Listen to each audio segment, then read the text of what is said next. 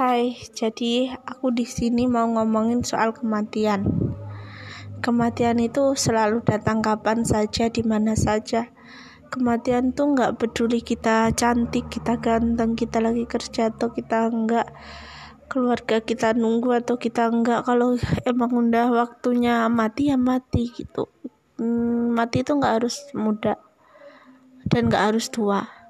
Bayi bisa mati, bayi bisa mati, anak-anak bisa mati, remaja bisa mati, orang tua pun juga bisa mati. Jadi semuanya tuh kayak ada ujung kehidupannya sendiri gitu. Ya, makin tambah usia, makin tambah juga kita menghadapi kematian kita. Dan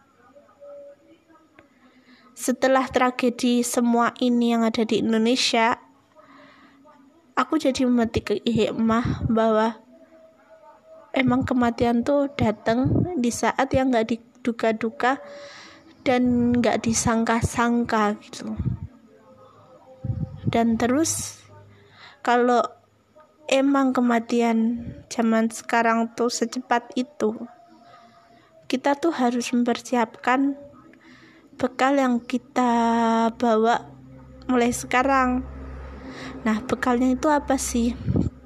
Nah, bekalnya itu bukan baju, bukan handphone, bukan harta, bukan keluarga, bukan makanan.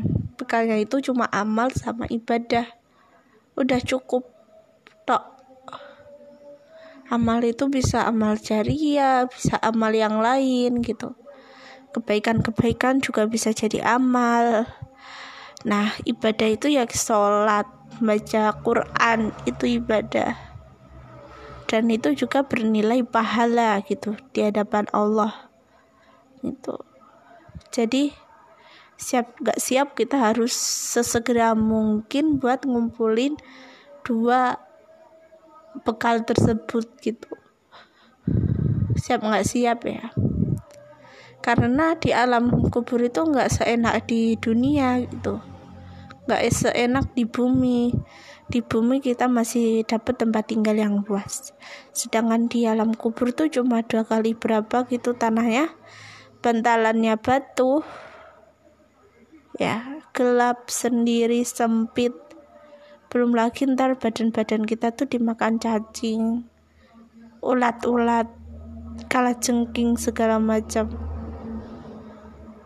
Nah yang jadi penerang buat kita itu ya Al-Quran sholat kita sama amal-amal kita itu insya Allah jadi itu apa namanya teman kita di alam kubur penolong kita di akhirat dan juga penerang kita sebagai lampu di alam kubur gitu.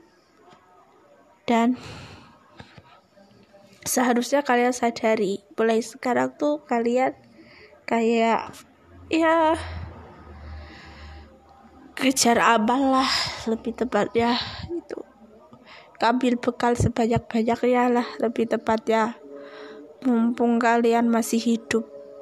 Karena ya lihat dong yang ada di kuburan itu. Manusia-manusia yang udah meninggal mereka berharap loh hidup kembali di dunia dan mengerjakan amal soleh mereka yang belum mereka kerjakan. Jadi selama kita belum meninggal, selama kita belum pindah rumah ke kuburan, kita harus mengerjakan mulai sekarang, oke? Okay? Karena maut itu gak peduli jam, gak peduli waktu, gak peduli esok, gak peduli sekarang, itu pasti akan menjemput